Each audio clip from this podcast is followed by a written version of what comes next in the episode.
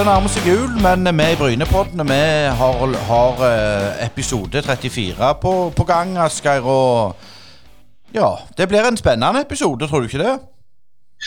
Jo, eh, litt uh, forskjellige gjester. Hovedgjest er jo gode, gamle Kjell Olav Stangeland. Uh, Hoppmann, formann.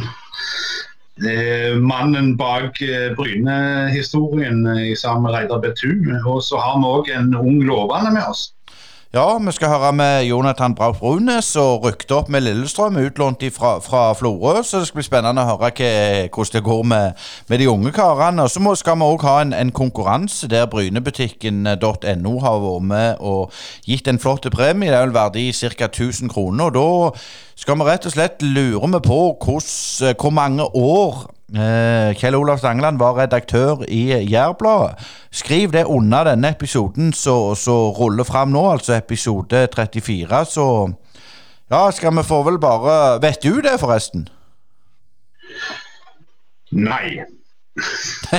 Enkelt og greit. Men vi, her har vi Kjell Olav, det han sa til oss.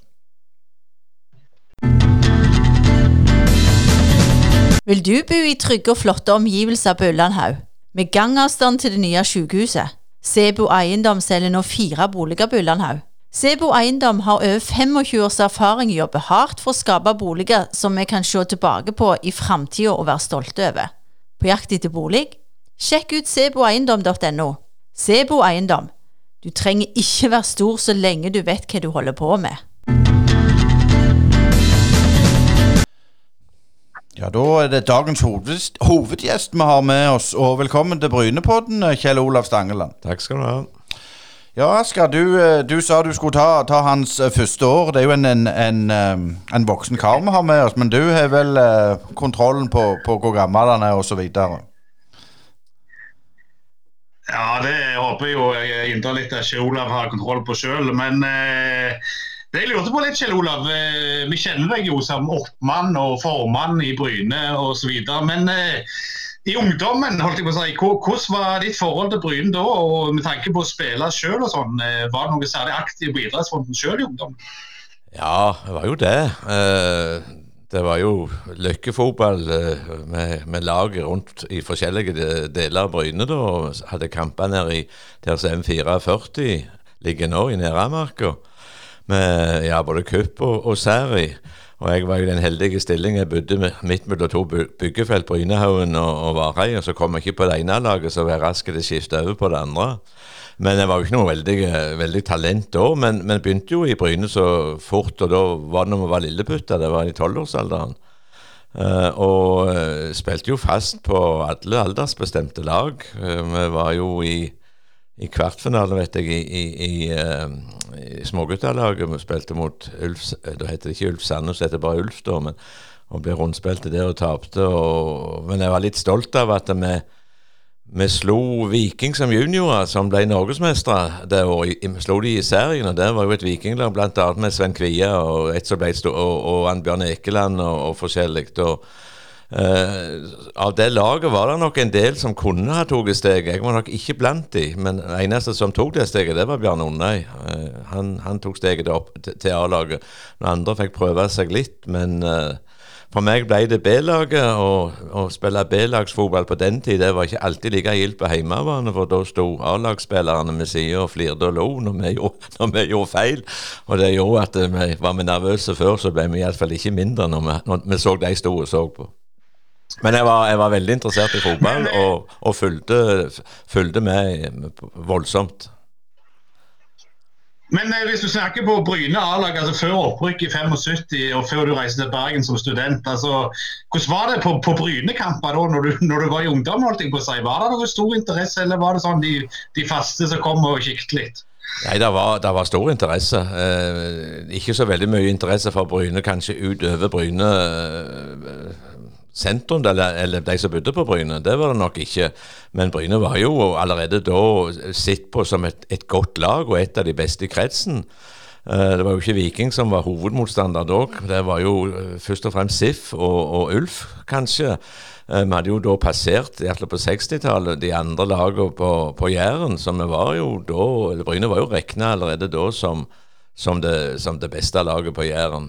Og det som var spennende i si, i, i 13-14-årsalderen, da reiste de jo på, på kampene med, med sånn buss, turbuss til Fridtjof Haugstad. Og så var det om vi fikk være med den bussen når han skulle til, til f.eks. Stavanger eller Egersund, så vi fikk se utekampene.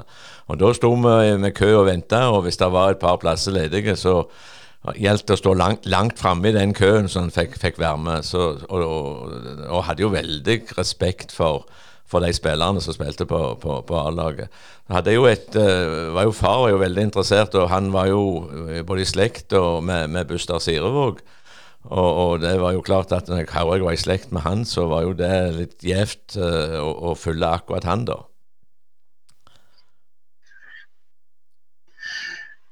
Men hvordan var det sånn, hvis, hvis, du skal karakterisere Bryne eh, som du vokste opp på? altså sånn, Du begynte vel å gå på, på det som var landsgymnas ennå, eller hadde gått over til vanlig gymnas. Men altså, Bryne-miljøet i den tida blant ungdom og sånn, hvordan, hvordan vil du kjenne, hva kjennetegner Bryne på den tida der du vokste opp? Ja, jeg gikk faktisk Begynte på landsgymnas og slutta på Brynegymnas. Det ble, ble forandra akkurat og, vel, før siste året vi gikk. Nei, i forhold til i dag så var det jo veldig mye mindre forhold, selvsagt. Eh, vi, var jo en, var jo en gjeng da som eh, hadde det som heter Gjestheimen som fast tilholdsplass. Og det var jo samme plassen som veldig mange i, i, i senior Bryne-miljøet, både spillere og ikke minst minst uh, oppmenn, eller iallfall UK, og, og, og, miljøet rundt, uh, rundt uh, Bryne-spillerne, som f.eks. Cabben og, og, den gjengen der. Uh, og vi hadde jo Noe av det vi gildeste det var jo hvis vi kunne komme med et bord i nærheten av dem og høre når de snakket og kom med historiene. det var veldig gjevt. Men før den tid så var jo ikke jeg så mye i sentrum. Jeg bodde jo, kan du si, litt utenfor, i Varheimveien. og mye av min barndom og ungdom fram til tolvårsalderen, den foregikk jo i Varheia og i Sandtangen. Og hadde kameratene mine der. Så jeg var jo ikke mye i sentrum før i 12-13-årsalderen når vi begynte å kikke etter jenter. Og da øh, varmte vi oss på jernbanestasjonen til Løvik oss ut. og, og Uh, I gymnastida så var det som sagt Da var det, var det gjesteheimen som var det faste tilholdsplassen når vi ikke var, ikke var på skolene eller var andreplasser. Så var det jo selvfølgelig helgene var det jo mye av disse dansene som trakk også på fredag og lørdagene. Da det hendte jo vi tok noen byturer òg av og til. Og blant annet så, ja, det var jo uh, Dette forholdet til Viking begynte jo allerede da. Jeg reiste jo allerede fra 12-13-årsalderen fast på Vikingkampene. Og som, på samme måten som nå, så heier jeg alltid på motstanderne. Så det har ikke endra seg så mye? Det har ikke endra seg noe som helst. Men, men, jeg tenkte litt på det på, på, på foreldrene dine. og sånn, Du har jo òg uh, to søsken. Hvordan tror du de har prega det? Hva var det foreldrene dine jobbet med? Ja, Mor var jo tannlege, uh, og det var jo ikke så veldig vanlig at det var kvinnelige tannleger da. Men, men, men, for meg var det helt naturlig å ha en mor som arbeidet. Det var det ikke veldig mange andre som hadde. Vi sunte jo litt når jeg lekte med de andre. De kunne gå hjem og få, få skjeve med sukker. Det fikk jo aldri jeg, verken eh, sukker eller fikk skjeve mor, for hun var på arbeid. Uh, og far han begynte Han overtok ei forretning i stor grad, og etter far sin som solgte Det var et slags agentur for, eh, for uh, ullvarer i Gjesdal. Uh, han var verdens dårligste kjøpmann. Det går en historie at han satt på bakrommet og spilte kort med noen, og det da klang i døra, og så han 'hysj, vær stille, så går de igjen'. Uh, og han var veldig glad når han fikk, uh, fikk avslutta den, da, og så var han hos Olav Line, den store entreprenøren på Bryne på den tid, og var på kontoret der da til han gikk av med pensjon. Eh, for Det var det jeg tenkte på litt med, med, tanke på at du som person har jo vært veldig på en måte framme i skoene og tok, uh, gitt uttrykk for dine meninger. Sånn, Hvem tror du du har det ifra? Ja, det er nok mer mor enn far. Far hadde meninger, men han, han gjorde de aldri offentlig. Han var jo offentlig person på helt andre felt, som, som uh, moromann og skuespiller. og og bryllupsvert og alt det der. Og ja, filmskuespiller både på festiviteten og i film. Mens, mens, mor nok var mye mer klar på meningene, og er nok mer preget av henne akkurat det. Hun hadde at du skal du skal, alt, du skal, ikke si alt du mener, men det du sier, det skal du mene. Det var liksom hennes slagord. Så det er nok mye derifra akkurat det, da. Selv om hun langt ifra var så mye frampå som hun. Nei, for du har jo òg en, en, en, en Han ene broren han kjenner jo godt veldig godt. Er Magne, som var, var lærer på, på, på både Time videregående og Bryne Hva det heter, Bryne videregående. Og de er vel litt annerledes eller deg? Ja, de er nok ikke så frampå uh, som meg, da. Uh, men nå har jo begge gradene i Bryne og spilt fotball, begge to. Og jeg tror de har hver sin A-kamp, så de kan skryte av som jeg ikke har. Uh, og, men, men Så de følger jo med, men de, han mellomst, han som du kjenner, Magne, han er jo uh, sånn som ikke må vite at Bryne spiller engang. Han går og gjemmer seg og, og tå, går ikke på kamper eller noe, noe som helst. Uh, han andre er nok litt mer rolige når det gjelder det, men, men begge er jo klare Bryne-patrioter. Har jo fått det inn med, med, med fra barndommen av. da. Ja, Kjell Olav, og så reiste du jo selvfølgelig til Bergen for å studere etter hvert. Eh, og tilhører vel den første generasjonen av de som begynte å studere eh, i, i din familie iallfall. I dag reiser jo mange til Bergen og spiller på all slags lag rundt Bergen. Ikke, nødvendigvis Brann, Åsane, Løvhamn tidligere og sånn. Men, men, du var med på et lag som heter Jæren, Stein og Grus. Kan du fortelle litt om det? Ja, det var ikke bare med på det, men jeg var, var stifta det sammen med Jan Særikstad. Og der hadde vi også selvfølgelig en sånn fast uh, holdeplass. Det var jo Hol Holbergstuen da. og Jeg husker ennå både hvor vi satt og hvordan vi fant på navnet. Og det var jo i forbindelse at de skulle starte en studentserie. Uh, og Der fant vi ut at der måtte vi lage et, et, lag. Det var jo ganske mange som vi faktisk hadde spilt fotball med i, på Jæren, eller som jeg visste hadde spilt på andre lag på Jæren. Og, og uh, eh, samla dem. Uh, og dette laget hadde jo som at de måtte iallfall kunne si uh, Sauen med raue øyne død for at de skulle få, få, få, være med på laget. Og eller vi hadde ett unntak av en som hadde gitt på Bryne på gymnaset, som var fra Haugesund. Han, han, var så god at vi gjorde unntak for han. Men vi var faktisk så bra at vi, vi vant den serien et år. Uh, og det var ganske Det var brannspillere med på, på, forskjellige av de lagene. Det var en del fra Nord-Norge som spilte på nordnorske landslaget, så det var, det var brukbar kvalitet, faktisk. Men uh, ja, du kan si at folk som var med, var jo tidligere ordfører Arnfinn Vigrestad f.eks.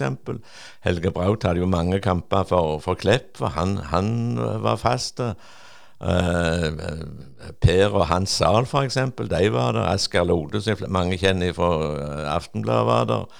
Så uh, en Siv, Ola Sivertsen i forhold til disse Sivertsen-brødrene fra var faste.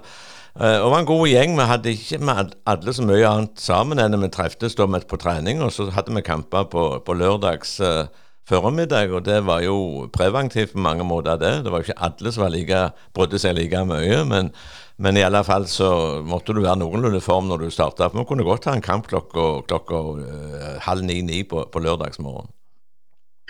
Og så var det jo en viss eh, bergenser som heter David Vatnåg, som vel var på motstanderlaget, som kom litt i klammeri med en gang, stemmer ikke det?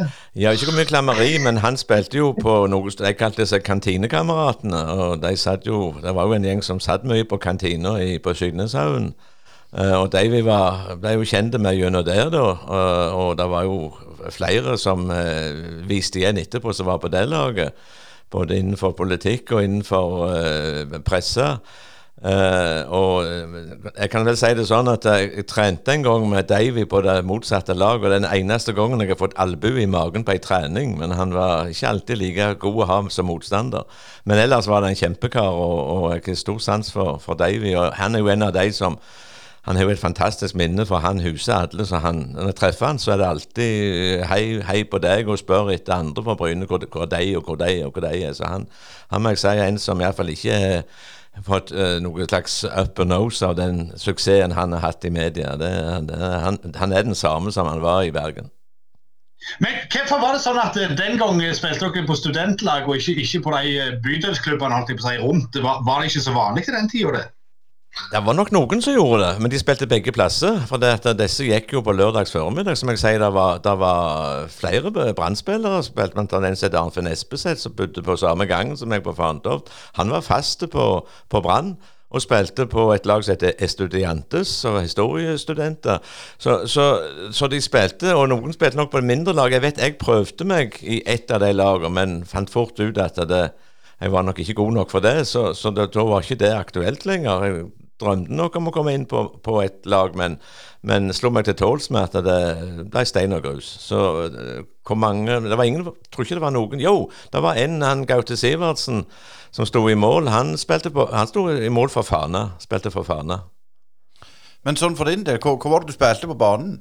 Jeg var midtstopper i den tida, uh, sammen med en som heter Helge Mauland. Og vi var bror til tannlege Knut Mauland på Bryne. Og vi var et radarpar. Vi var faktisk så samspilt at vi trengte ikke snakke engang. Jeg visste hvor han var til enhver tid på, på, på banen. Altså. Det, var, det, var, det, var, nærmest radar. Når han var med sida, så, så, visste jeg at det, jeg visste hvor han var hen. Altså. Eh, men du gikk jo òg på en skole, det var ikke bare fotball og hvilken linje, og fant du ut hvilken retning du skulle i livet når du var der oppe? Egentlig ikke. Jeg gikk ikke på noen skole. Jeg studerte jo. Eh, jeg er jo sånn halvstuderte røver, da, så begynte jo på psykologi. Og det var jo veldig populært, og alle skulle jo gå videre der etter grunnfag og ta embetseksamen, og der måtte du ha ganske god karakter. Den var ikke jeg i nærheten av, eh, kan si heldigvis. Det vil si, nå lyver jeg, for jeg begynte på engelsk. Men eh, etter jeg fikk, fikk igjen en prøve det der sto 'This is rather poor', så slutta jeg der. Uh, og, og, For jeg hadde jo vært best i engelsk på gymnaset, men jeg kom opp der, så ble jeg liksom uh, og mista motet. Begynte på psykologi, ikke fordi jeg skulle finne ut av egne problemer, men det var veldig populært.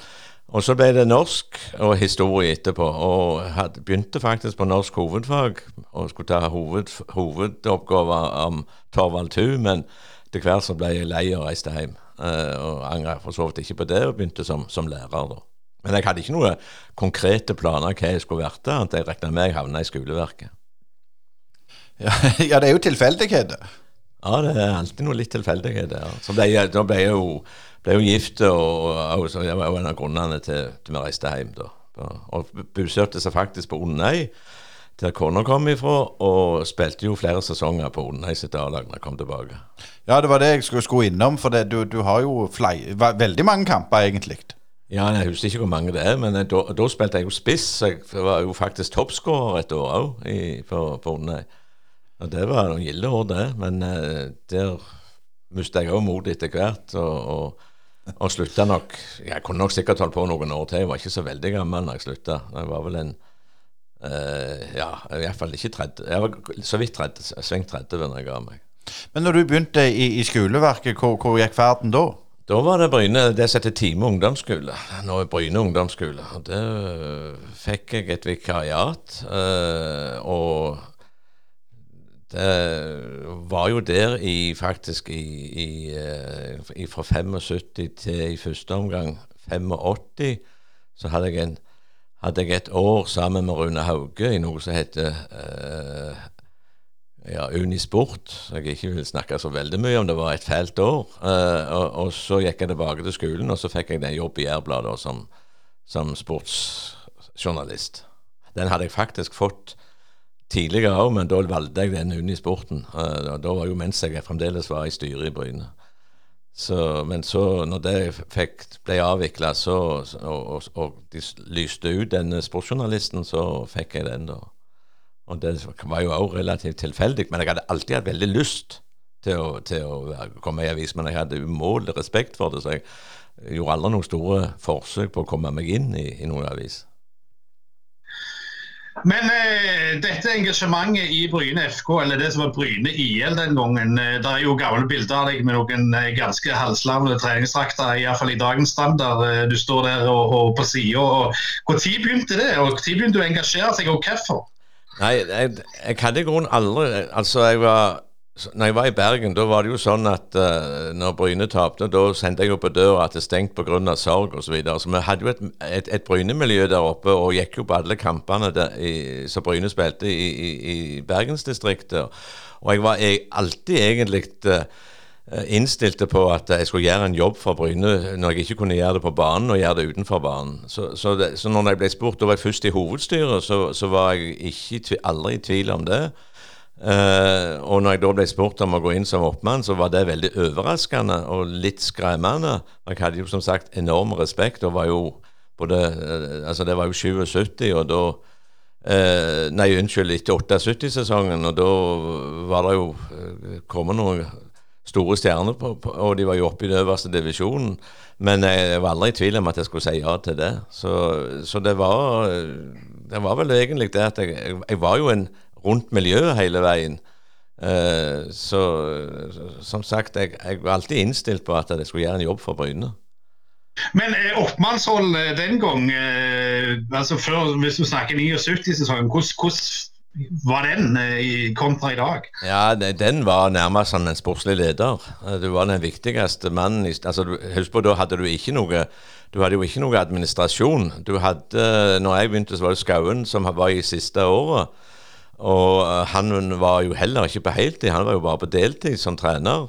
Og det var jo ingen uh, kunne nok ikke I 79, men litt seinere hadde du betalt litt kontorhjelp, men det var jo ingen ansatte, bortsett fra vaktmester. Men det var det hovedstyret som styrte med. Så du måtte, gjøre, du måtte både bestemme, og så måtte du utføre det som ble bestemt. Og oppmannen hadde jo da i tillegg til alt det med å finne kamper òg uh, være på treningene. Du hadde ikke hjelpetrener, så du var trenerens høyre hånd. Uh, flytta brikke, eller kjegle, og fylte i eh, flaskene til kampen. Da var det ikke sånn at hver spiller hadde hver sin flaske. Da hadde du to flasker med noe XXL, eller nei, XLN, tror jeg det het, noe pulver, så du fylte vann oppi. Og Det var nok den, kanskje den viktigste oppgaven før kampen. Iallfall etter Men under Skauen så fikk jeg jo en del andre oppgaver, så, som å kikke på spillerne om de så på motstanderne. For hvis de så på motstanderen, så mente han da var de ikke motiverte nok. Altså Da var det litt, litt angst. Jeg fikk en del sånne oppgaver. Men, men det, var, det, var, veldig travelt faktisk å være. Du skulle være på hver trening, og du skulle som sagt dette med, med å fylle opp kamper, og du hadde også ansvar for reisene. Hvor mye fotball lærte du av Skauen? Uh, Litt, ikke veldig mye, for, eh, vil jeg si. For dette, jeg eh, Ja, jeg skal ikke si det ikke, men, men, jeg lærte jo veldig mye dette med organisering. Men også ikke minst av motivasjon. Kanskje mest den psykologiske delen. Med motivering og dette med å Kan du si oppstart eller eh, forberedelser til kamp. Uh, lærte jeg veldig mye av. Altså det, når jeg kom, kom inn igjen mange år seinere, så syns jeg jo faktisk at det var vel så mye forberedelser til kampene på den tid som det, var, som det var når jeg kom tilbake igjen ganske mange år seinere. Så uh, lærte nok veldig mye sånn psykologi. Uh, og jeg, når, om jeg var på treningene, så betydde ikke det at jeg satt og så på dem. Det kunne være andre gjøremål, men jeg måtte, jeg måtte være der. Men så, eh, spesielt i 80-sesongen, så er det jo du og Arne Johannessen som vel var formann i Viking på den tida, eller var han oppmann, han òg, jeg husker ikke helt. Men dere begynner jo å ta Bryne og Viking ut i media. Det blir vanvittig mye skriveri. Engasjementet er vanvittig rundt i hele Sør-Rogaland. Var dette noe bevisst dere gjorde, eller var det bare du og han som tilfeldigvis spilte pingpong, og så tok det bare helt av? Ja, Det begynte jo lenge før det. Det begynte jo egentlig, det tok helt av med den uh, Flatestøl-saken uh, i 78, når han gikk til Viking. Og, og de, uh, Bryne hadde en avtale med, uh, med, Viking der at Bryne fikk to spillere fra Viking. Det var vel Geir Herrem og han jeg husker ikke, kommer ikke på navnet i farten. Og så skulle de få to spillere andre veien gratis. Så gikk han eh, ja, Trond eh, Eckholt var den andre. Nå gikk Trond Eckholt tilbake, og så gikk eh, Magnus Grødem. Og så mente uh, Viking at han ikke, han ikke tal talte, for han uh, hadde egentlig slutta i Bryne, mente de. Og når da Flatastøl gikk tilbake, så mente de at han skulle gå på den kvoten. Og det sa Bryne nei til. Han skulle betales. Og denne saken gikk Da, da, da tok det skikkelig fyr, når da NFF ga Bryne medhold. Da ble det, ble det skikkelig varmt. Uh, og Det hadde ikke vært noe hjertelig forhold før det heller, men det, to, da tok det av. Men så er det klart at både Smøren, Arne Johannessen og meg, vi spilte nok selvfølgelig litt på dette her etter hvert. Og kanskje ikke så mye i 1980, men, men, men ja, ja, da òg faktisk. Uh, og han var vel like glad i Bryne som jeg var i Viking, så det var, det var nokså naturlig at det, det, ble sånn. Men uh, når det er sagt, så var vi jo på bakrommet gode busser. Men så eksploderte det jo helt da i, i 81 med Nils Ove Helvik-saken, selvsagt. Når vi sa nei til at han fikk lov å gå til, gå til Viking. Da tok, det jo, da tok det jo helt av. Men hvordan tror du det har prega rivaliseringa? Var det da det på en måte begynte? Jeg tror den ligger mye lenger tilbake i tid. Jeg tror dette, dette Jeg skriver litt om denne boka, at det var jo allerede rett etter krigen så var det var det, var det eh, veldig store motsetninger som gikk på noe helt til i dag eh, latterlige ting, men, men, det gikk på at Bryne ikke fikk spille en kamp på, på Midtjord fordi at eh, en turnering som Viking var arrangør av, fordi at de hadde gitt banen til, til noen annet lag, slik at de måtte vente, og så reiste de heller hjem igjen. Uh, noe som daværende formann Bjarne Undheim, som ikke er den samme som den andre Bjarne Undheim vi snakket om, men den igjen rektor og stortingsmann Bjarne Undheim, som var leder da, kalte for Midjordskandalen. Eh, og det begynte jo nok at det var en del gnisninger. For, for, han mente jo at disse Stavanger-lagene var veldig ovenfra og ned til, til laget fra Jæren. Det ga han klart uttrykk for, ikke minst i leserbrev i, i, i Stavanger Aftenblad. Uh, og jeg syns jo du kan se på, på opp under 50 år, så hadde jo Bryne noen veldig store talent, som ingen av de gikk til Viking. Mens f.eks. både Nærbø og Ålgård avga jo spillere til Viking. Men det var alle noen ifra, Bryne som gikk til Viking.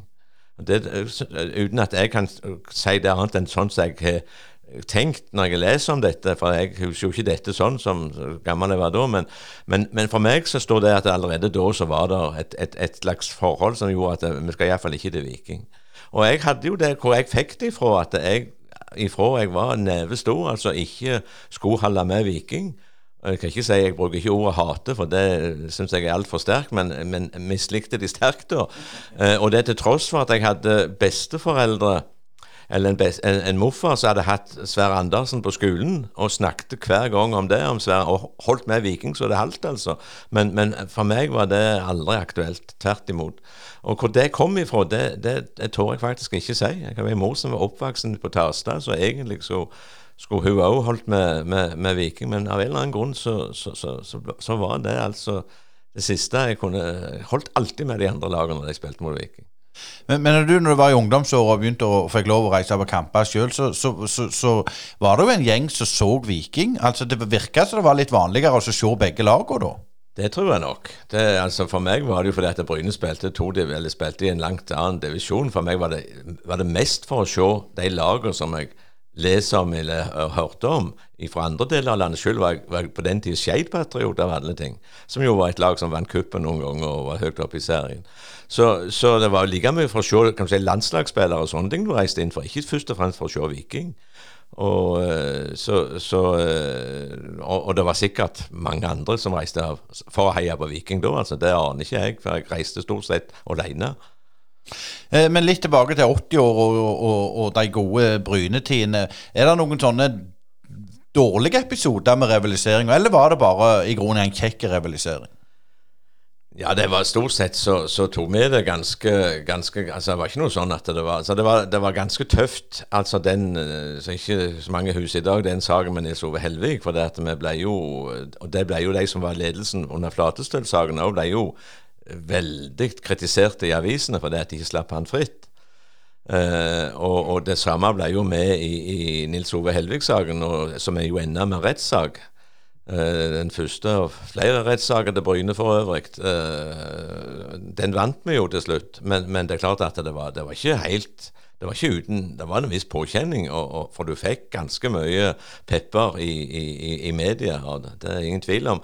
Og mens du aldri fikk noe støtte f.eks. fra NFF, som jo hadde innført dette med kontraktsfotball. Men når vi vant rettssaken, så kom de på banen og sa at ja, det, var, det, var, det var, klart at, den, at sånn skulle det være. Men det var aldri noe som helst noe som helst uh, støtte å få derifra i, når, når, når, krigen pågikk, for å si det sånn. Men eh, etter hvert så altså Bryne begynner jo utover 80-tallet og alt litt under skauen og utvikler seg og henter spillere fra andre kanter av landet og sånn, og du er jo sentral oppi dette. Eh, hvordan, så du på det? Var det noen som murra i ganger at de skulle helst bare ha lokale og sånn, eller var det greit at det kom østlendinger til her? Ja, det var ikke veldig mange til å begynne med som kom. Det var jo, det var jo eh, først og fremst i distriktet, og den første kom jo før min tid. Det var jo Tom Mer Jacobsen.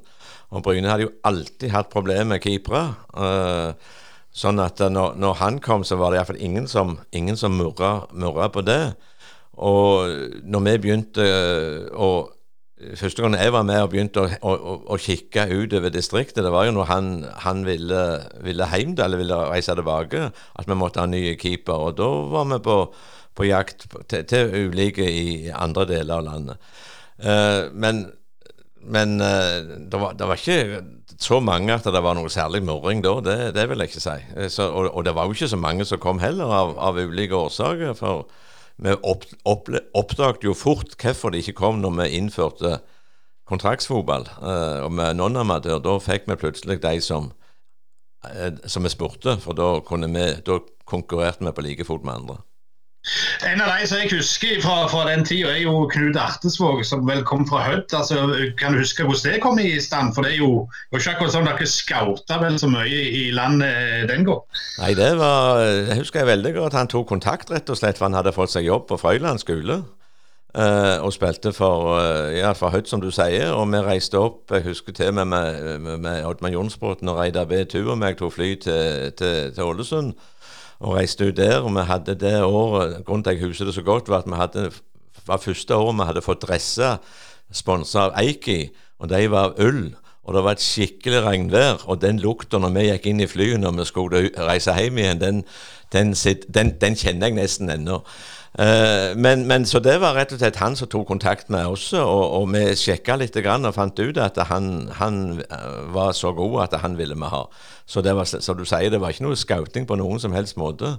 Uh, Seinere så var vi mer aktive for å prøve å få tak i, men, men som sagt, det var veldig sjelden vi lukkes å få noen de første åra.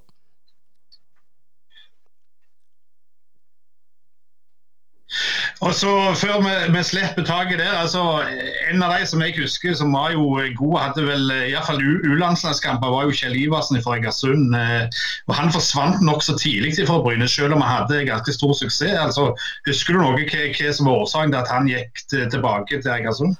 Ja, Han, han slutta rett og slett fordi han satsa, på, satsa skole og, og, eh, reiste til Bergen på Handelshøyskolen, revisorutdannelse. Og han er jo en av de spillerne som burde ha fått mye mer oppmerksomhet enn det han får. Han var eh, for så vidt det samme med Knut. Det var jo to kjernekarer, begge to. To miljøskapere. Eh, Kjell Iversen var, var jo mindre frampå enn enn en Knut Ertesvåg, men, men, det var to som lagde et fantastisk miljø, og, og, og aldri, aldri problemer. Og, og, alltid, du kunne alltid stole 100 ga, ga alt. Uh, og, og en av de to, to, av de spillerne som heller, heller, veldig høyt i den perioden, og som nok hadde større uh, innvirkning, eller, eller det betydde mer enn en mange er klar over i dag. Uh, kanskje ikke minst Kjell Iversen. Du har jo vært involvert med mange trenere. Brian Green er en av de. Ja, han var med Det var også Jodman Jonsbotn meg som reiste til England for å skulle finne avtaker etter Kjell Skau Andreassen.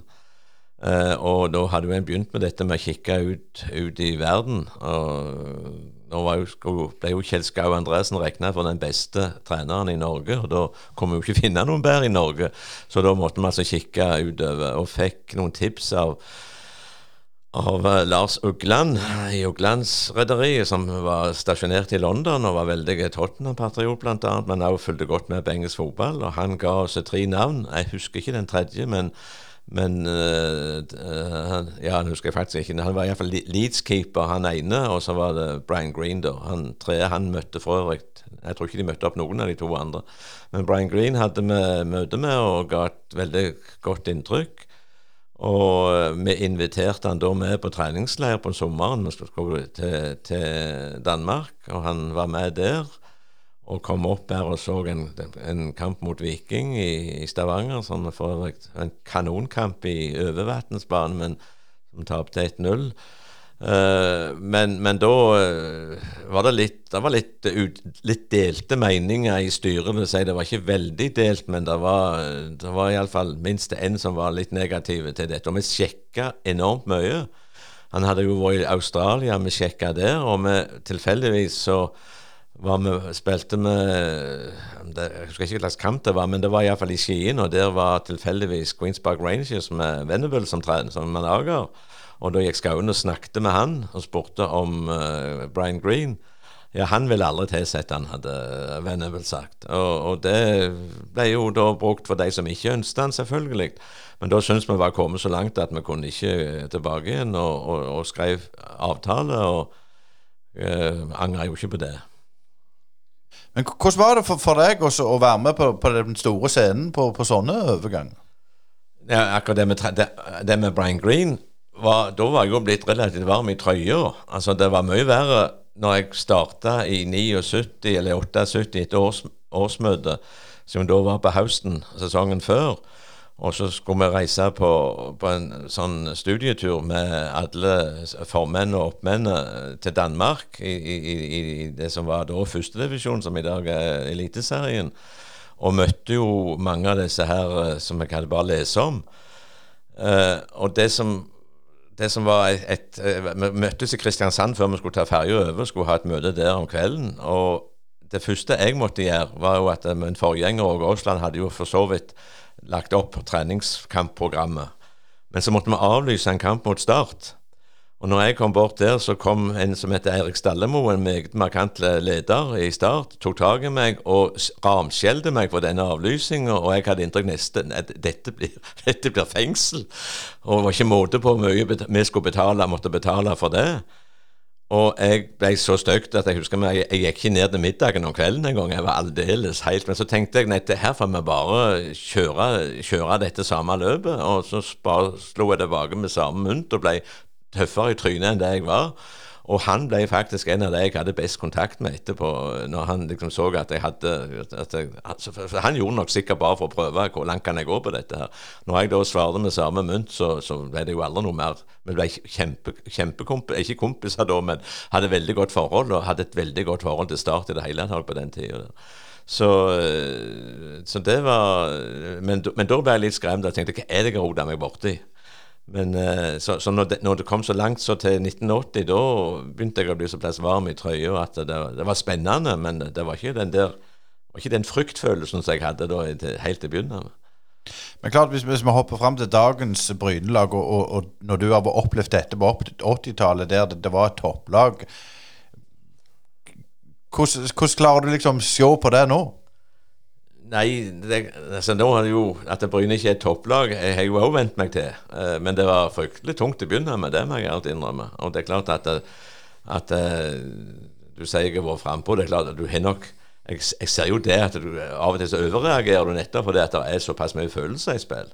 Og når du skal være, liksom, samtidig som du skal være saklig, så kan det nok eh, bikke over. Jeg ser jo den, men, men, men på den andre sida så det verste er jo at hvis du, hvis du er likegyldig, det er jo det verste som kan skje. Altså hvis Du er eh, du kan nok bli for kritiske, men det, jeg vil heller at folk skal være for, kritiske enn bli totalt altså de, at de, de, de mister interessen og er helt likegyldige, de ikke bryr seg. Og den begynte å snike inn hos meg, det må jeg innrømme, eh, noen år. Det liksom at nei, dette, dette går ikke. Det, dette, det, vi må bare innse at vi blir værende der vi er. Og det er klart, den, det, det året vi har bak oss nå, har jo vært fantastisk gildt. Altså da når vi plutselig var, var, kunne gå på stadion uten å være livredde for hvordan skal det gå, gå denne gangen, det faktisk gikk godt hver gang. Ja, det, det er jo en stund siden vi har eh, følt det, men jeg lurte litt på eh, Kent Karlsson. altså Brian Grien forlot jo eh, Bryne etter to sølvmedaljer. Eh, hva, hva var tanken med å hente han, og, og hva referanser brukte du da? Ja, da var det jo med at vi skulle finne en erstatter for, for, for Brian da, eh, og eh, Nå husker jeg ikke alle navnene, men jeg vet jeg ringte opp ganske store navn ute i langt, langt sør for Sverige. Uh, uten å få napp om vi var borti flere, flere svensker, altså, og, og, og, og de stort sett var nei. Eh, men Ken Carlsson han var interessert, og vi sjekka han òg opp. Han var jo under kontrakt med et lag som heter Brage, eh, som spilte i Allsvenskan da, uh, fra Falun, faktisk. Eh, og uh, vi fikk de referansene var positive, og da, han ga et veldig godt inntrykk sjøl. Og det gjorde at vi da Og hadde jo en lang og god spillererfaring både i, i, i, svensk toppdivisjon og på landslaget, og vært med i VM bl.a. Så, så vi var ikke veldig i tvil når han var interessert, men vi måtte jo faktisk betale han ut av Brage for å få han. Uh, og hadde jo hatt bra, bra suksess der. Og, og uh, Ja, det var Altså eh, Han hadde jo nok, nok, sine svakheter som trener, eller som taktiker særlig, da, men, men han hadde òg veldig, veldig mange positive sider, og, og var veldig lett å samarbeide med. Men, men, var det bevisst tenking i Bryne i den tida at dere skulle hente folk eh, fra utlandet i plass for å gå f.eks. Eh, noen andre norske trenere, eller var det tilfeldig? Altså Det som var da, var jo at norske trenere var veldig vanskelig å flytte på. Og fleste norske treneren var jo ikke heltilsatte. Brian Green var jo den første heltilsatte treneren, eller første heltilsatte personen i Bryne-fotballen i det hele tatt. Det var ingen trener. Gustav Hult var jo ikke heltilsatt. Skauen var ikke heltilsatt. Var jo bare sånn uh, uten å være, Hadde jo kontrakt, men ikke noe heltilsatt tilsett. Så han var den første. Og Å få noen norske trenere til å flytte på seg med familie på den tid, det var jammen ikke lett. Eh, og, og, dermed så, så, så vi både ja, Sverige og til andre land, og, og, eh, så, og, det var slett ikke alle de som var interessert i det. Men, men svenske trenere var akkurat da litt, på, litt populære. Eh, så, det var vel hovedgrunnen at vi, det var han vi fikk. Det var vel ikke noe veldig mer altså Det var ikke sånn at, vi, at om han spiller 4-3-3 eller 4-4-2 Det var ikke noe sånt. Det var mer hans, hans erfaring som trener og spiller, og som, og som, type, og det er referansene vi fikk som gjorde at vi Og han da i tillegg svarte ja. Det var litt så enkelt som det. Eh, I denne tida, nå husker ikke jeg årstallet, men hvis jeg nevner Rune Hauge ja. Uh, han da Vi hadde jo allerede fra jeg kom inn, da, i, i, eller før 79-sesongen, snakk om at vi skulle få tag, begynne med en administrasjon, med forretningsfører. Uh, men vi klarte aldri å finne noen som vi syntes var, var aktuelle nok til det. Og da begynte vi mer å synge, for da begynte de å ta opp dette med sponsorvirksomhet. Det eksploderte, ikke, ikke eksploderte, men det gikk veldig opp ifra da i 79-1980. Vi hadde jo uh, en som Arnstein Skretting som jobba i Blokk Vatne, som var jo god kompis av meg. da, Så kom inn i styret og, og tok seg av dette, og, og, vi begynte å få ganske ganske store beløp inn på, på sponsorsida. Uh, og andre, andre tiltak da, som, som vi gjorde. Uh, og, og, fant ut at det kanskje for Altså Dette gjorde jo styret, da. Alt det arbeidet måtte jo styret gjøre, for det var jo ikke noen ansatte. Og da fant vi ut at kanskje ville styret bli vel så eh, arbeids... Eller avlasta av arbeid hvis vi fikk en som tok seg av markedsarbeidet, enn en det rent for, altså det å skrive brev osv. For det kunne vi alltid leie noe kontorhjelp til. Eh, og Da kom tanken om at vi skulle prøve å få tak i en markedssjef, og lyste ut i aviser. Og en av de som søkte, det var ikke så mange flere, det var Rune Hauge. Og vi var jo helt ubeskrevet blad for oss. Han var jo i Nürnberg da og jobba, i klubben der. Og det var jo selvfølgelig interessant. Og fikk han opp til intervju. Og vi henta faktisk ned Per Omdal, senere president i Fotballforbundet, til å være med i, i det intervjuet for å gjøre dette skikkelig.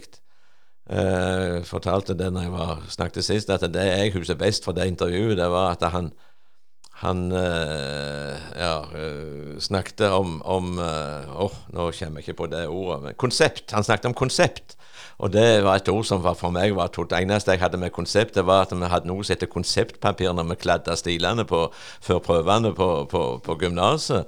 Og det sa meg ingenting når han snakket om disse konseptene, men det er klart Per, per Omdal visste jo hva et konsept var.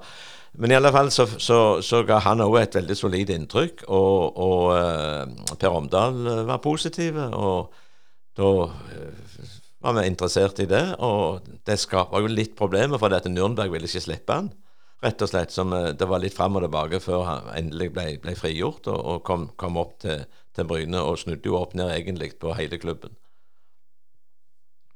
Uh, men, men han er jo litt omdiskutert i dag. Var han det den gang òg? Ikke, ikke, den som kom opp seinere, for han var jo ikke, drev jo ikke med, med handlinger. altså Han var jo ikke noen agent på den tida, og, og, jeg ikke, vil ikke si noe om den tida etterpå, men, men han, var om, han, var om, ikke omstridt, så var han frykta av en del av, av handelsnæringa på Bryne. For det at han, han, De fortalte jo at av til så sprang de på bakrommet når han kom, for, det, for det, han, han, var jo Altså, han ba ikke om ti kroner. Han kom med noen ganske store beløp som de ikke var, var, var klar på alltid. Men, men uh, han, han, gjorde jo en kjempejobb på sponsorsida. Kan, kan aldri ta ifra han det. Og også på en del andre markedstiltak som gjorde at vi fikk uh, veldig god inntekt. Men, men, det er klart han var krevende. Det, det, var, det gikk jo mye på dette med Han hadde sin arbeidsform, og det kunne godt være at han det som skulle gjøres, det er gjort, men det ble ikke gjort gjerne ti dager før, men kanskje ti timer før fristen gikk ut. Sånn at du var av litt svette for det, da. Så, men, men eh, han, han, og ikke minst dette med at han òg kunne dette med å få tak i spillere. For han, han, kunne jo det ifra, ifra, ifra, Tyskland. Så vi fikk jo eh, litt annen måte å forhandle på enn det vi var vant med. Så han hadde derifra. Uh, og når vi fikk tre spillere, f.eks. når vi fikk Ulf Moen og Hugo Hansen og Jan Madsen på en gang, så var jo ikke det minst hans fortjeneste som kunne dette her med å, med, med å, å uh, forhandle. Hvis jeg kan få skyte inn noe der, for jeg, jeg hørte jo på denne poden med, med, Gabriel. Uh, og der Han uh, nevnte jo dette med, med, at vi tok opp med spillerne har vi lov å betale skulle man få lov å betale noen mer enn andre for at de skulle forsterke laget. Og, og, som han sa, så sa spillerne ja til det. Men jeg håper ikke de tre hører hva han sa hva sum de fikk i året. For da har vi lurt de for mye penger. For det var ikke snakk om 150 000 i år, det var snakk om 50 000 i år. De og det var mye nok i forhold til de andre, for all del. Men eh, det er jo en tredjepart av det som ble sagt, og så jeg syns kanskje det at det iallfall ikke det skal måtte stå som en evig sannhet at de fikk 150 000. Men eh, når det er sagt, så klart at Rune og meg vi var nok to som var eh, litt busemenn begge to. Så vi, det, ble jo, det, ble jo, veldig uh, ampert de siste år. Det, nå er det klarert for lenge siden, men, men det ble litt ugildt. Det og du kan vel si at nedturen til Bryne begynte kanskje med at vi røk i hop, og så ble det litt, eh, litt etter hvert og som ikke var helt bra i, i, i styret. Så kan si 87-sesongen, som jo var en, eh, en jubelsesong med cupfinale, så hadde jo nedturen egentlig begynt allerede. Men jeg har lyst til å følge opp litt med den tida, Kjell Olav. Eh, det er jo en tid der fotballen ikke har gått over og sklidd over til å bli proff ennå. Så kom det non-amatøropplegget etter hvert som var sånn semiprofesjonelt osv. Men det var jo kanskje tre klubber i Norge på den tida, altså første halvdel av 80-tallet pluss, som, som, var liksom førende inn i en ny tid. Det var dere i Bryne, Lillestrøm og kanskje Vålerenga. Altså, var det noe sånn der dere snakket dere imellom, mellom klubbene på den tida, eller var det everyone to himself? Liksom? Ja, på mange måter var det nok det siste, men, men det, vi hadde mye snakk med, med, med Lillestrøm-lederne. Og de var, var, nok enda tidligere enn en Bryne, men vi lærte veldig mye av dem. Og eh, det var nok først og fremst Lillestrøm og Bryne som snakket om dette med at vi må få til profffotball på, på serieforeningsmøtene. Det var nok ingen tvil om at, at, vi var i forkant der og snakket, snakket om det. Uh, Vålerengen uh, vil jeg ikke ta med i den sammenheng. Der var det nok litt pølsepapir fremdeles på den tida, og litt ymse måter de, de, finansierte klubben på. Så, uh, men, men, Lillestrøm absolutt. Uh, ingen tvil om at de var et, en, en foregangsklubb med de lederne som var der, selv om jeg ikke var like god venn med alle, så var det noen som hadde veldig godt forhold til. Og, uh, så, så, det er nok helt rett. Om, om de var for, uh, Vi innførte jo non-amatørfotball så fort det var lovlig, faktisk, i 85. Og det tror jeg Lillestrøm gjorde òg. Jeg tror ikke det var så mange andre klubber som gjorde det. Det som jo var når vi gikk ut i pressa og sa vi skulle innføre non-amatørfotball, så kom skattevesenet med bokettersyn to dager etterpå. Eh, de fant fælt lite, for å si det sånn. Men, men eh, jeg så òg i noen gamle avisartikler at dere arrangerte jo faktisk eh, kurs i klubbledelse, du og Rune Hauge, rundt forbi i en periode iallfall. Ja, vi gjorde det. Vi var jo altså det, det slo jo begge slo imot oss senere. Det var jo når de begynte å innføre dette her begrepet om om uh, mønsterbruket på Jæren, som jo var brukt positivt til å begynne med, men når det begynte å gå andre veien, så ble jo dette brukt som nærmest ironisk. da. Uh, så det slo begge veier. Men det er helt klart at en stund uh, da på, på, i midten av 80-tallet så reiste vi rundt og fortalte om hvordan vi drev Bryne. Og det kom på besøk til Bryne, ikke minst etter vi hadde bygd tribunen. for å se hvordan en VIP-tribune så ut, for det var det ingen nesten ikke hadde hørt om før, og slett ikke sett. Eh, så der, eh, og, og det en også skal være klar over på, på en av grunnene til suksessen på 80-tallet, var jo at treningsforholdene på Bryne var jo langt bedre enn de andre klubbene. Men det har jo snudd totalt de siste åra. Så, så det kom jo klubber, altså eliteserieklubber, som reiste til Jæren på treningsleir på, på, våren og lå her for å få trene på grønne baner. Så vi hadde jo en fordel av det. Og det var jo ikke uten grunn at det, Bryne var et vårlag. Eh, at vi ofte toppa serien, iallfall lå helt i toppen til, til, sommeren, og så gikk det ikke fullt så godt på høsten.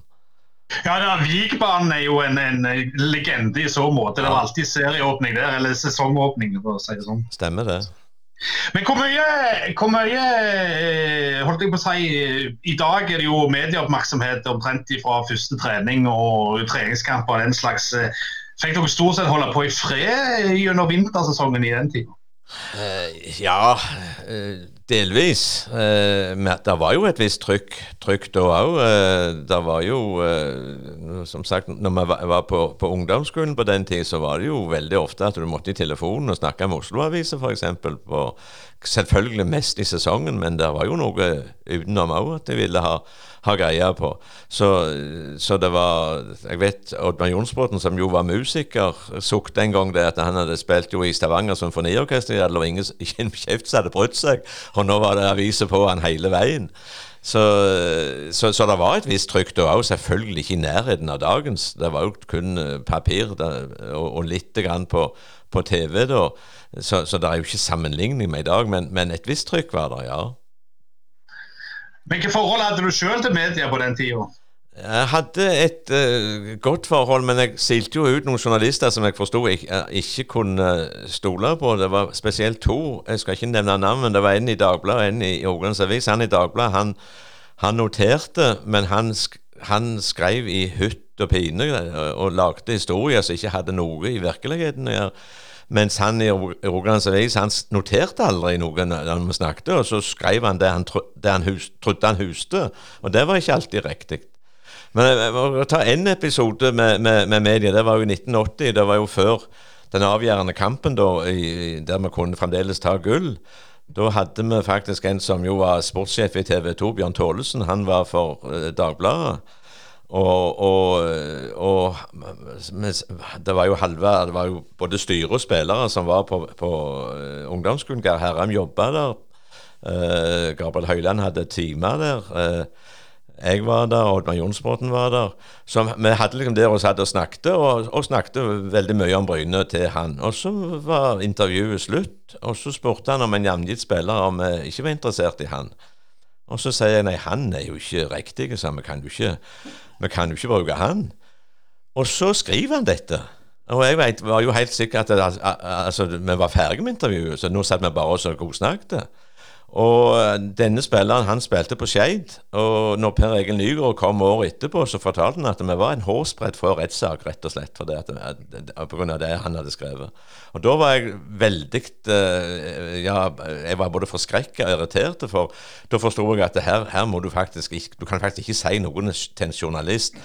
Altså Når du snakker med han etterpå, når du liksom er ferdig. For det er klart at det var ikke noe jeg hadde sagt i et intervju. Eh, da, Når du er inne på det, så må vi jo inn på de ti Jærbladet. Du begynte vel som sportsjournalist, så, som vi sa, og så seinere ble du redaktør. og var det noen, Hadde du ambisjoner når du kom inn, eller var det bare sånn det ble? Nei, jeg hadde alltid hatt lyst til å bli det. Altså, jeg hadde veldig lyst, Og jeg hadde jo vært frilanser for Jærbladet i mange år uh, før det. Og når denne da dukket opp, så søkte jeg selvfølgelig på den, og fikk den. Det var jo ikke helt enkelt, for det at jeg var jo fikk jo jobb 1.3, og det var jo før sesongen 87, der jeg satt som fotballformann. Og, og, skulle skrive om Bryne samtidig som jeg var formann. Jeg husker jeg ble, jeg ble kalt inn til Aftenbladet, uh, som sa at det, nå måtte det ikke være sånn at, at Jærbladet fikk noe som de ikke fikk. Uh, og jeg måtte jo love det, men det var, hadde jo noe som aldri hadde gitt i dag, selvsagt. Uh, og jeg var jo klar over at det var jo siste året i Bryne pga. det, da. men, men jeg måtte jo prøve å balansere det. Uh, men det var jo langt ifra noe ideelt. Det var jo Jeg kan vel si i dag det var jo spinngale. Uh, men det er klart, når, når, jeg da var over den, så, så gikk nok pendelen litt langt den andre veien. da, at det ble, altså Når det da gikk rett vest med, med, med laget, Og jeg hadde jo en av spillerne buende hos meg, eh, eh, Børre Meinseth, som jo var en, av, en, i, en i huset, egentlig. Han, jeg, sånn, jeg kom hjem fra arbeid, så lå han så lå han i ektesenga med kone i ene armen og datter i den andre. Og jo fadder, altså han, var jo, han var jo en av familien, rett og slett. Og, og, så han fortalte jo hva som foregikk det året, så jeg visste jo veldig, veldig mye inside av det. og og, og, men det var nok Den overgangen ble for brå. Altså mm. at det er klart at det, mange Og det skrev jo bl.a. Per Undøy at, det, at det, det var, her var det vikarier, vikarierende motiv. Når du kritiserte noe, så hadde du vikarierende motiv. At du skulle liksom ta Altså ut fra den konflikten som hadde vært tidligere. Eh, men fikk noen skup, da? Ja, jeg fikk et skup når de sa opp Bjarne Berntsen. Det gjorde jeg, men det hadde ingenting med, med Børre Meinseth å gjøre. Og det var en en kilde som jeg den dag i dag ikke, vil, ikke kan si navnet på, men det var en langt inne i, i innerste kretser i klubben som helt uten Altså, vi visste jo at Bjørn altså det, Offisielt hadde Bjørn Berntsen sagt opp at mm. han skulle slutte. Uh, og så var jeg i hagen, og så stoppet det en, en innerste kretser som gikk forbi, jeg, og, og, og helt på egen hånd tok kontakt og fortalte hva som hadde skjedd. At han hadde Eh, hadde da sagt opp og trukket den tilbake igjen, og, og, men de ville ikke akseptere det. Så det var jo et skup at jeg da først og, og, og snakket med Bjarne, og han bekrefta det. Så han sa at eh, ja. så det, det, var kanskje det største skupet at jeg kunne slå fast at han hadde egentlig fått sparken. Eh, men da ble det jo, det ble jo ganske altså, ja, det kan si Mitt forhold til Bryne-ledelsen ble jo ikke noe veldig mye bedre av det, da. Uh, nei, det gjorde jo ikke det. Jeg, ser den. Men jeg tenkte litt på, på, når du ble redaktør, og så jeg sier, du har jo vært aldri vært redd for å si meninga di, og du har, vært, du har vært kritisk.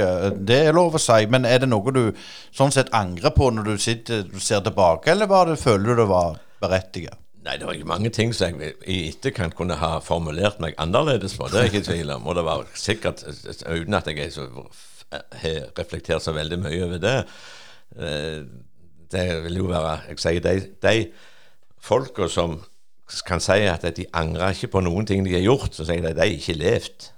Uh, men Så det er klart det er, det er ting som jeg Jeg kan ikke si at jeg går og tenker på at jeg skulle ikke gjort det, jeg skulle ikke gjort det, jeg skulle ikke gjort det.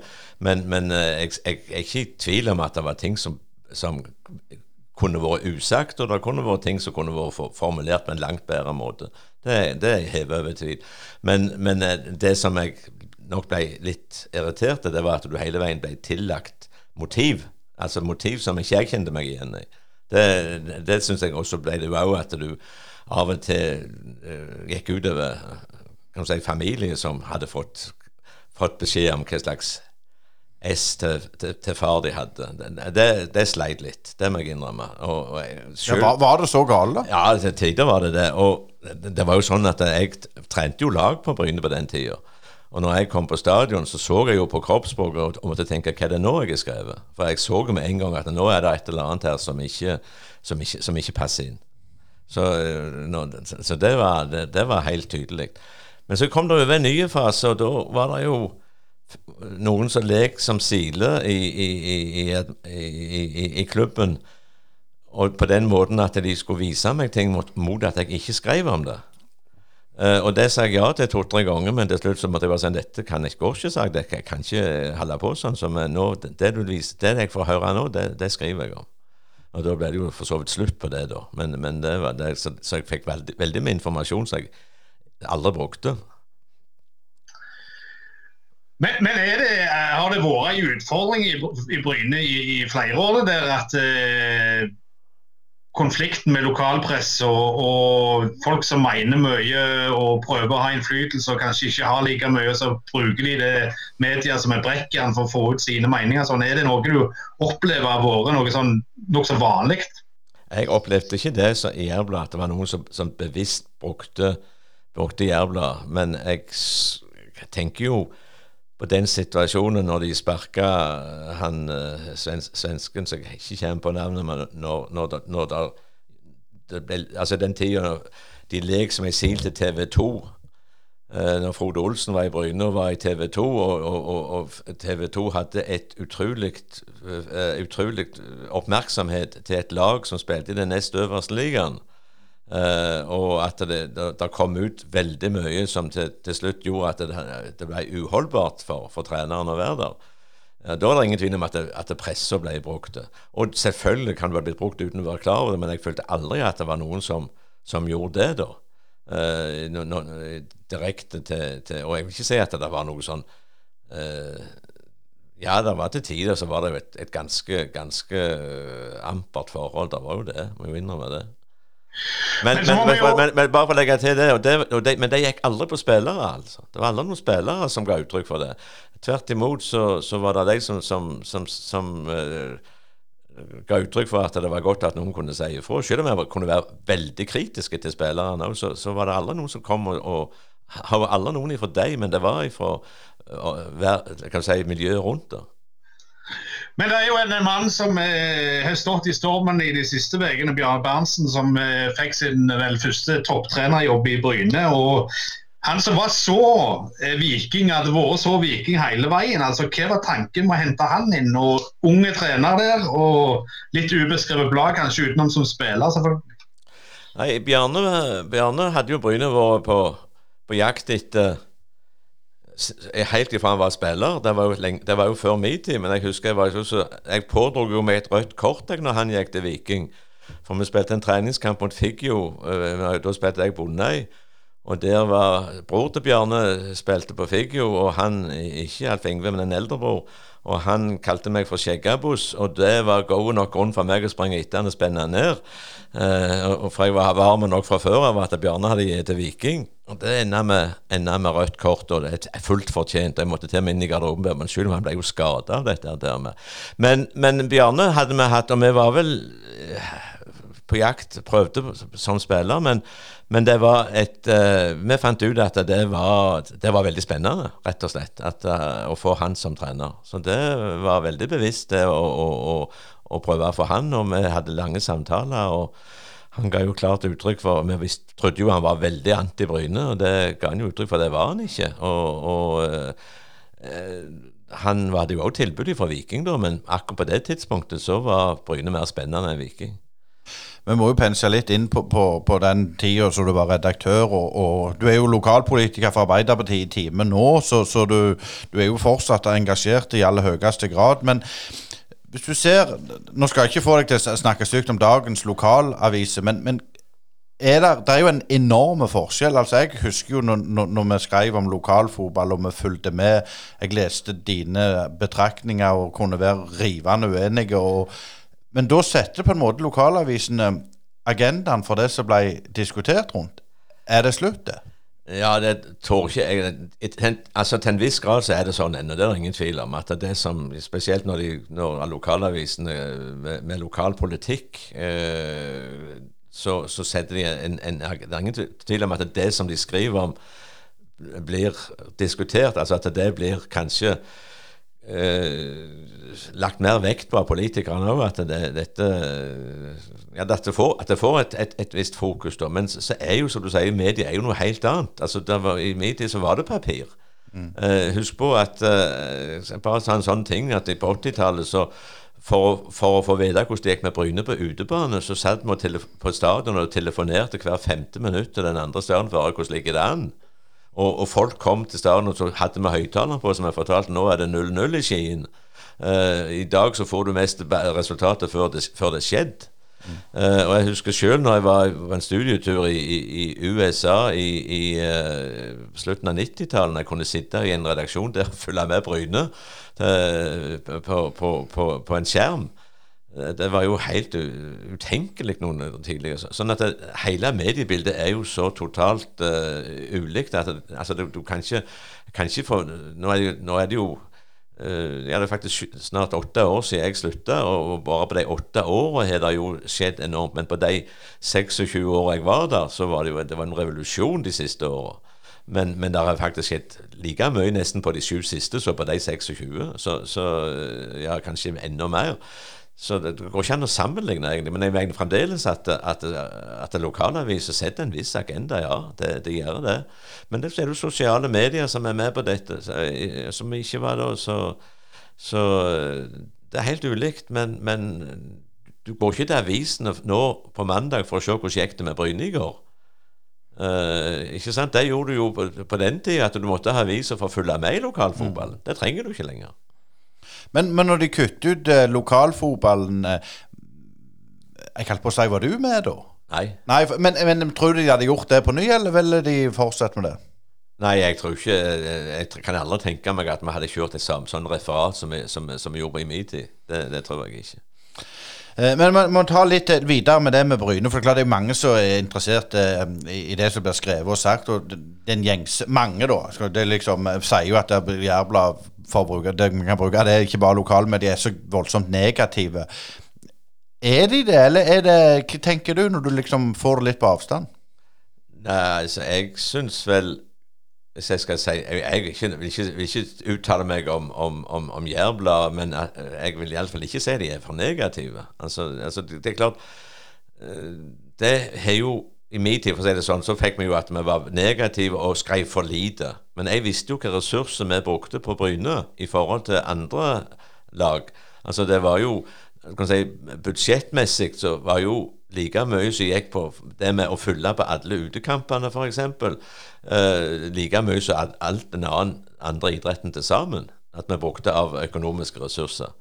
Eh, og så selvfølgelig så skulle ikke vi være, være klubbavis. Vi måtte jo være kritiske. Og som jeg sier, av og til var vi nok for, kanskje for kritiske, men det var fordi at du, du, du, du hadde, var følelsesmessig der. Og vi var alltid vi var jo alltid altså kan si, Vi var kritiske mot Bryne, men hvis Bry, noen var kritiske mot Bryne av uten altså Du kan si omtrent som en familie det. Du kan godt skjelle ut Borden, men hvis naboen skjeller ut Borden, så forsvarer du broren. Og Sånn var det med Bryne òg. At vi, i forhold til, til resten av verden så var, var Bryne først. Men vi sjøl kunne, om ikke skjelle ut, så iallfall kritisere Bryne. Eh, Men hvordan tror du uh, framtida for, for lokalmedia og sånn blir? Det er jo vanskelig å spå, men det er bare liksom tenke for en gammel redaktør. Er papiravisa død? Hun er nok på vei ut. Det, jeg, jeg var veldig skeptisk. Jeg, jeg var helt sikker på at hun ikke var det så lenge jeg var der. at du måtte bare, Men, men, men jeg, ser, jeg ser på meg sjøl, altså. Det er mindre og mindre. Og de legger jo opp til det, i og med at nyhetene allerede er Altså, du, jeg, leser ikke, jeg leser ikke nyheter som jeg For det er ikke nyheter for meg når jeg leser det samme to dager før. Da er det ikke nyheter for meg.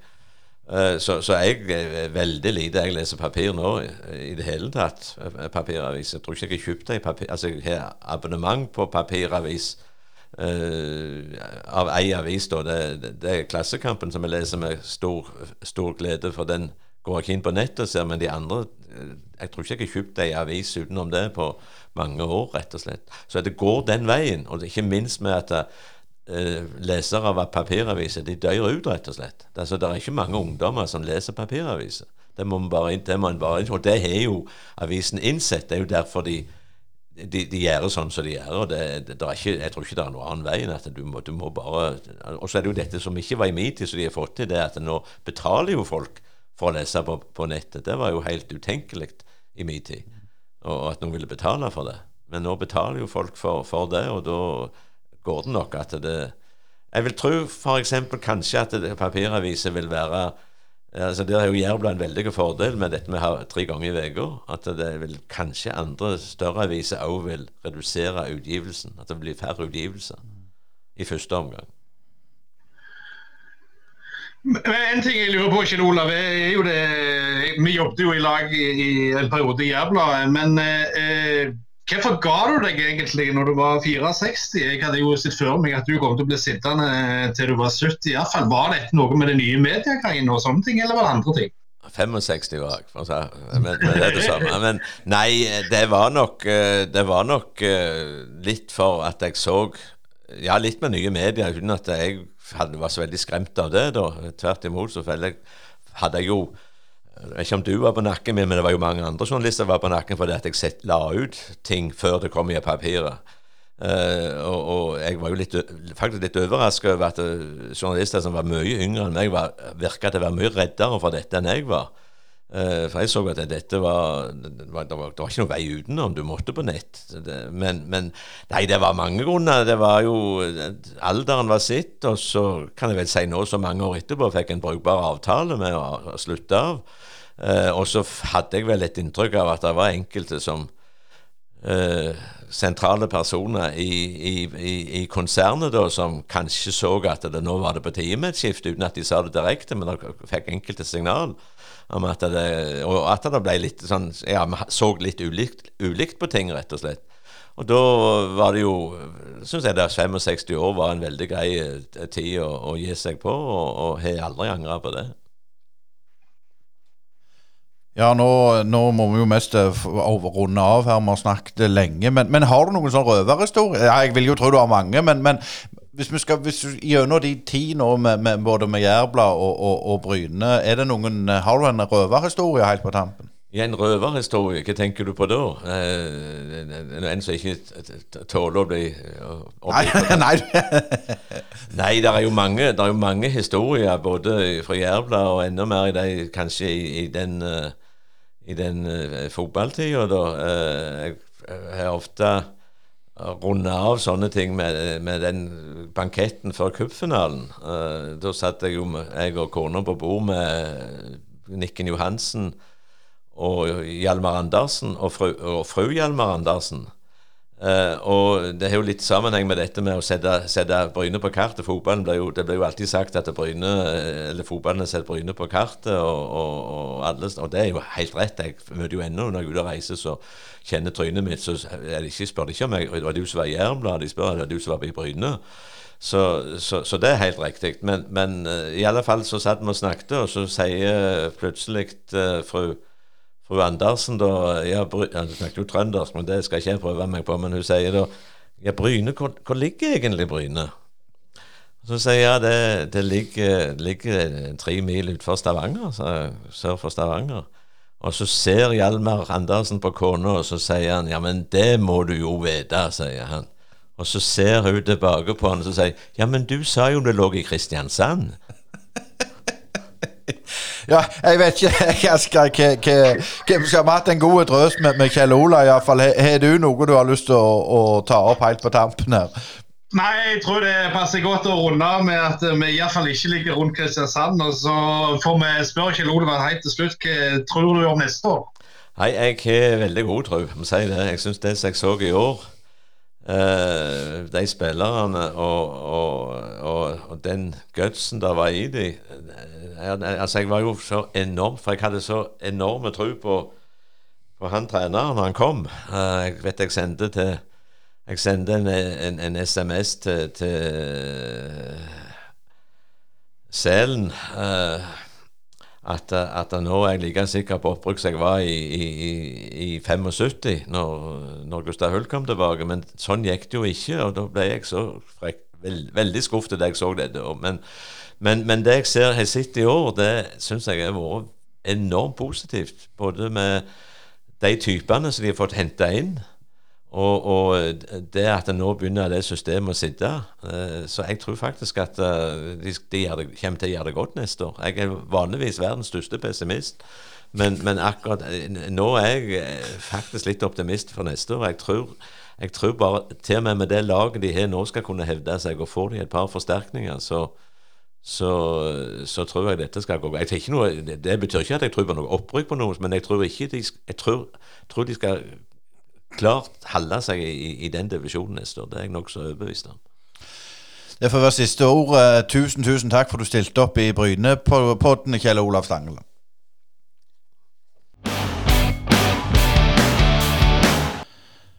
Ja, Da skal vi rett og slett ha en lokal uh, oppbrukshelt. Det er jo mange av dem, men uh, Jonathan Braut Brunes, du er en av dem. Og velkommen så mye til, til Brynepodden. Tusen takk for det. Ja, jeg vet ikke jeg, Asker, om, om det er du som har lyst til å begynne å stille Jonathan noen spørsmål, eller skal jeg begynne? Jeg kan uh, spørre først, sier siden jeg er eldst. Uh, Jonathan, det med opprykket. Takk for det.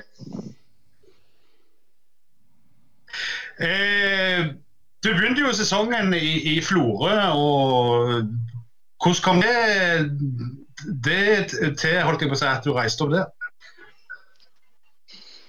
Nei, det var noe Første gang jeg hørte om det, var vel eh, at de hadde ringt og snakket litt med Sola-treneren, han Øystein Elvestad, og forhørt seg litt om eh, meg som person og spiller og litt sånn.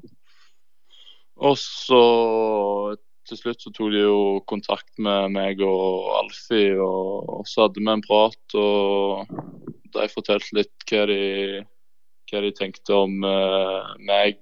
I, altså hvilken rolle de tiltenkte meg i Florø. Og, og, litt hvordan de ville spille, og opplegget de hadde på gang og sånn. Og så fant vi ut at det var egentlig en ganske fin match, så, så ble det opp der. Ja, Så kom jo eh, selvfølgelig koronaen og endra litt på, på, opplegget. Inngangen til sesongen var vel annerledes enn det du har vært vant med så langt i livet? Ja, vi ble jo De første en og en halv måned så var vi faktisk ikke permittert. Så da, da, var det egentlig trening og litt sånn. Men så ble vi jo permittert etter hvert. Så var hjemme og, og trente der. Og så var det vel tilbake i juni-juli ca. Og, og på'n igjen og komme i gang. Men du eh, hadde jo en, en, eh, ganske bra sesong. Jeg vet ikke hvor mange mål du satte, men du, du, var, du skårte en del mål for Florø. og Hvordan var du fornøyd med, med sesongen for deg, så, eh, så, langt som du spilte for deg? Nei, det, det, var jo en ganske godkjent sesong, vil jeg si, for, for min del. Altså For laget sin del så hadde vi håpet å, å komme en del høyere, men men eh, sesongen min syns jeg var godkjent med en del målpoeng og en del gode prestasjoner. Ja, når, det, når du sier det, så, så, gjorde du jo så godt at, at, Lillestrøm kom på banen. og Det er jo en stor overgang fra Post Nord til, til, til Obos, iallfall toppen av Obos. så Hvordan kom det i, i stand? Nei, de eh, tok kontakt med, med Florø og sa de hadde fulgt en del med på meg. og og likte det de så. Og hadde lyst til å, å, få meg opp. Så ble det egentlig bare en dialog med Flore, Lillestrøm, meg og Alfie, som er agenten min. Eh, der, og så til slutt så, så, var det egentlig bare å sette seg på flyet og komme seg opp. For det var ikke noe jeg hadde lyst til å gå glipp av. Ja, Når du nevner Alfie, for bare for lytterne det er Alfie Haaland vi snakker om. Og, eh, men hvordan, har, har, du, blitt tatt imot på Åråsen? og Ble det spilletid, og, og, og, hvordan blir det videre? For Etter jeg ser her, så, så går låneavtalen ut nå 31.12. Hvordan ser det ut for din del? Nei, det ser jo ser godt ut. Jeg eh, merker jo selv at jeg har tatt uh, mye steg, og det har jeg fått bekreftelse på av uh, folk i klubben og trenere og spillere. At uh, jeg har allerede tatt nye steg. Og sånn som så jeg har forstått det nå, så er de lyst til å ha meg med videre. Så det, det er jo veldig aktuelt.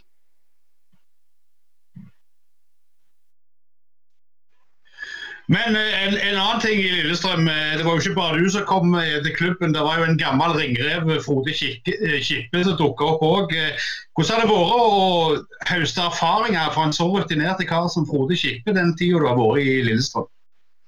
Det har vært veldig bra. Han er jo jeg i utgangspunktet spillerutvikler og har vært kanskje den jeg har brukt mest tid med av alle. I, både i styrkerommet og på banen, der vi har diskutert masse med tanke på han er midtstopper og vet hva som er ubehagelig å møte i boksen. Så vi har brukt masse tid på å forberede fysikken i lag med den fysiske treneren. Og ja, sett en del video og bevegelser og, i boks og litt sånne ting. Så veldig lærerikt å ha, å ha han med, med seg. Så må vi selvfølgelig litt tilbake til, til Jæren og tida di i Bryne. Du var jo i Bryne, og så gikk du litt til Sola. Og, mm, hvordan var den tida på, på Jæren? For du er jo herifra. Er det noe du savner og har, har, lyst til å komme tilbake, eller er det sånn at nå, nå ser du bare framover? Ja, selvfølgelig. Jeg skal jo ikke utelukke helt at jeg ikke kommer tilbake, men uh, nå, nå har jo ting uh, gått ganske bra og vært litt vekke fra Bryne, så at jeg kan være at det kan ha vært en positiv ting å komme seg litt vekk og få litt, uh, ja, få litt arbeidsro på et vis. Det, det, tror jeg. Ja, for det er liksom det er et lokalt talent, så, så du var Ja, du er jo for så vidt ung ennå, men du var jo et veldig talent. og Hvordan var det når du var på Jæren og Bryne? Var det noe du kjente på at når du kom til Florø, så fikk du liksom slappe av mer? Nei, jeg har jo alltid prøvd å bare ha egne fokus på å, jobbe på og utvikle meg. Men uh, selvfølgelig, det blir litt annerledes. Du kanskje Når jeg kom til Florø, så jeg, fikk jeg en litt mer rolle der jeg ikke var talent lenger. Der jeg var en, en av de fremste spillerne som skulle bidra, kontra å være en, en som var et talent, som du sier. Så det ble automatisk en litt annerledes rolle, så jeg likte veldig godt.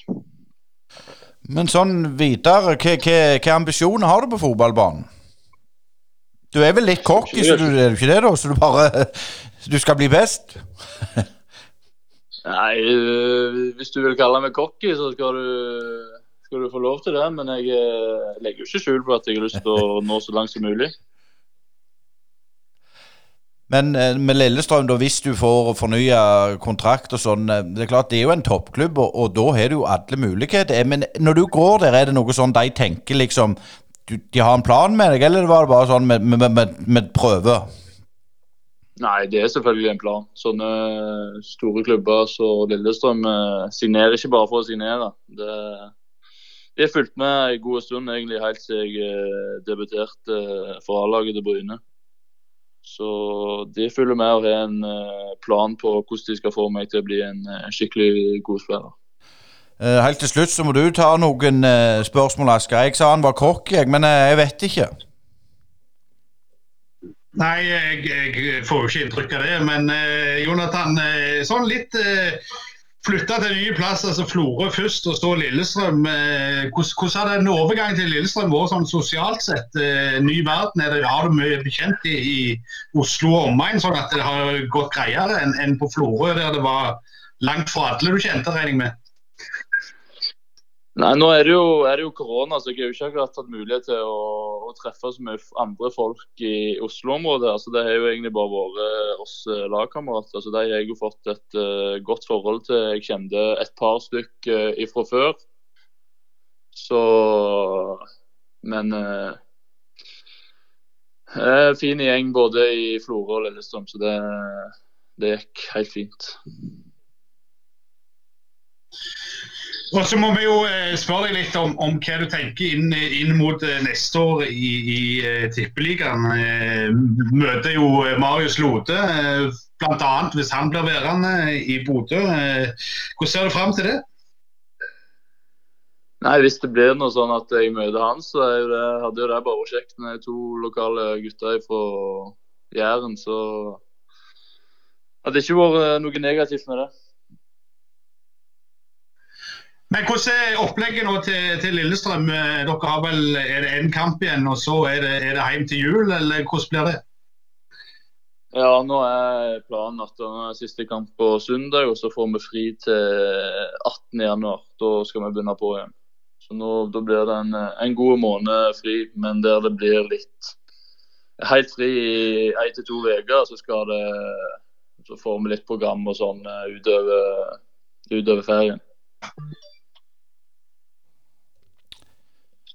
Ja, da får vi si uh, tusen takk for, for uh, praten, uh, Jonathan. Og en riktig god førjulstid. Og så får vi håpe at det blir masse spilletid på, på Lillestrøm i året som kommer. Jo, takk for det. Vil du bo i trygge og flotte omgivelser på Ullandhaug? Med gangavstand til det nye sykehuset? Sebo Eiendom selger nå fire boliger på Ullandhaug. Sebo Eiendom har over 25 års erfaring og jobber hardt for å skape boliger som vi kan se tilbake på i framtida og være stolte over. På jakt etter bolig? Sjekk ut seboeiendom.no. Sebo Eiendom. Du trenger ikke være stor så lenge du vet hva du holder på med.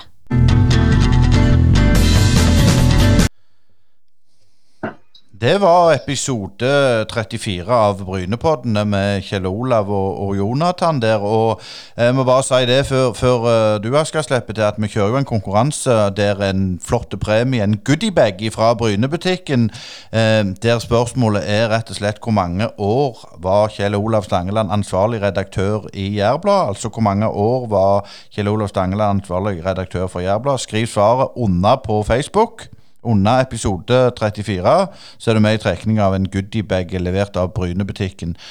Og Den er en verdi på faktisk 1000 kroner, og det er ikke verst, Asker. Nei, Det er veldig bra og sportslig av Brynebutikken å gi oss eh, den sjansen til å lodde ut noe. Så får dere en ekstra presang å ha klart til jul.